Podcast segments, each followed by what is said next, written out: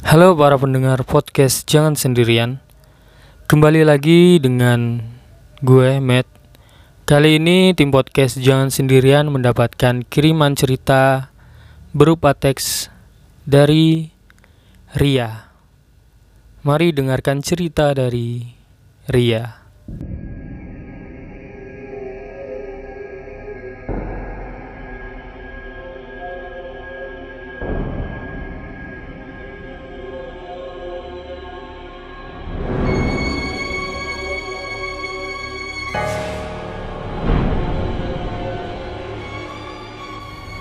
Jadi, ini adalah kisah yang menimpa keluarga dari temanku.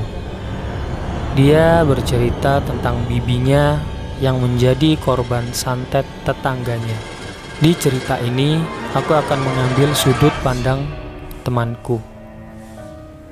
Ini kisah nyata dari tanteku yang meninggal karena santet. Tanteku namanya sebut saja Mimin. Dia mempunyai suami dan satu anak. Cerita ini berawal dari pindahnya tanteku dari Banjarmasin ke Kapuas atau Marahaban. Mereka sudah cukup lama tinggal di sana. Dan di kampung itu mereka sering mengalami kejadian gaib. Singkat cerita, siang itu tante bersama tetangganya sedang kumpul di depan rumahnya. Biasalah, ibu-ibu suka ngegosip.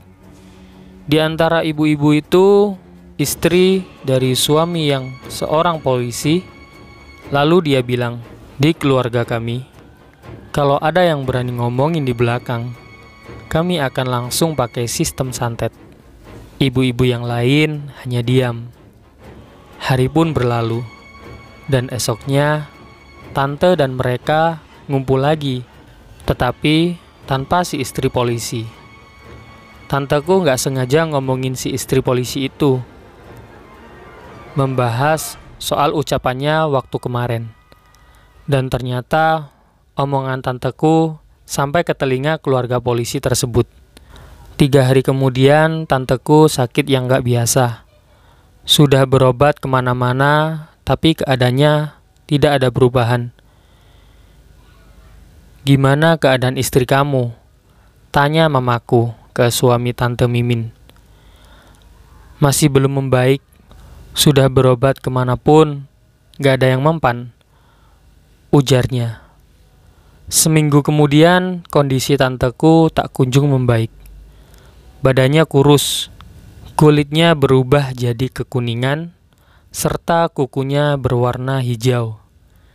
Di malam Jumat, Tante meringis kesakitan. Seluruh keluarga berkumpul di rumahnya bersama para kiai, ustadz, dan Habib. Kabarnya, dukun yang mengirimi santet ke tante itu adalah dukun yang tinggal di atas gunung. Dan malam itu, ia mengirim pasukan gaib ke rumah untuk membunuh tante.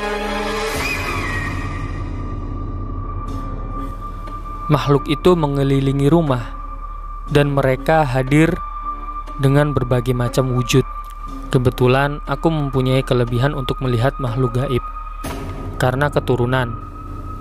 Aku melihat di sekitar dapur ada kaki jin merah, besar, bertanduk, melangkah ke arahku. Seisi rumah penuh dengan jin. Ada yang bergelantungan, berlarian, melompat, ngesot, nangis, ketawa. Hawa pun terasa panas dan pengap. Aku berusaha menenangkan diri agar tidak terjadi hal yang bisa mengacaukan acara malam itu. Para ulama yang datang berusaha menjaga tanteku. Karena kalau sedikit saja lengah, nyawa tante bisa melayang. Sekitar jam 10 malam, tiba-tiba terdengar suara gemuruh di luar rumah. Saat itu dilihat, ternyata dukun itu mengirim lebih banyak jin ke rumah. Mereka datang dengan kendaraan seperti dua buah truk yang isinya penuh oleh makhluk tersebut dan membawa senjata tajam. Fenomena itu tidak bisa dilihat oleh orang biasa. Warga yang di sekitar rumah kebingungan dengan adanya suara bisik yang tak terwujud. Aku menyaksikan bagaimana para ulama itu melawan semua jin yang terus-menerus berdatangan. Hal yang sangat tidak terduga pun terjadi. Suami dari tanteku tiba-tiba dirasuki oleh sosok yang mengaku bahwa dirinya adalah Sultan Suryansyah. Beliau adalah pahlawan dari Kalimantan Selatan yang terkenal, dan kebetulan omku adalah keturunan dari mereka. Lalu ada salah satu ustadz yang dirasuki oleh roh Sunan Ampel.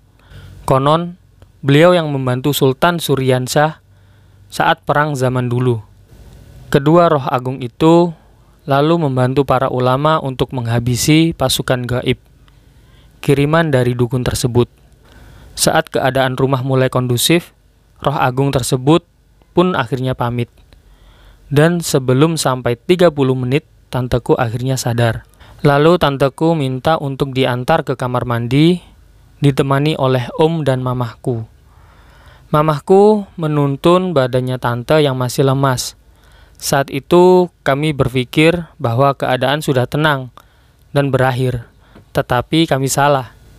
Ternyata pasukan gaib itu datang kembali. Tak kalah banyaknya karena kami lengah. Akhirnya tanteku tertangkap dan dicekik di kamar mandi sampai meninggal. Padahal pintu kamar mandi terbuka. Om dan mamaku ada di depan pintu. Tetapi saat kejadian itu mereka tak bisa berbuat apa-apa. Mamahku menjerit histeris dan Om menangis menyaksikan istri meregang nyawa. Tanteku lalu dibawa ke ruang tengah. Di lehernya terdapat bekas cekikan berwarna biru keunguan. Tak lama, umku dirasuki lagi oleh roh Sultan Suryansyah. Beliau meminta maaf, lalu berteriak. Siapa yang berani menyakiti orang Kalimantan? Hadapi aku dulu. Semua orang yang di sana terkejut mendengar ucapan beliau. Omku lalu duduk bersila dan membacakan mantra-mantra. Dia berniat membalikan santet itu ke si pengirim. Sekitar jam satu malam, terdengar suara ledakan yang berasal dari atas gunung di seberang laut. Ledakan itu menyebabkan lampu-lampu di sekitar gunung padam semua. Keesokan harinya, ada kabar bahwa ada seorang dukun yang meninggal dunia. Akhir cerita, tante dan dukun itu meninggal. Tetapi orang yang menyuruh dukun itu masih hidup. Orang menyuruh dukun itu adalah si istri polisi. Sekian cerita dari Ria.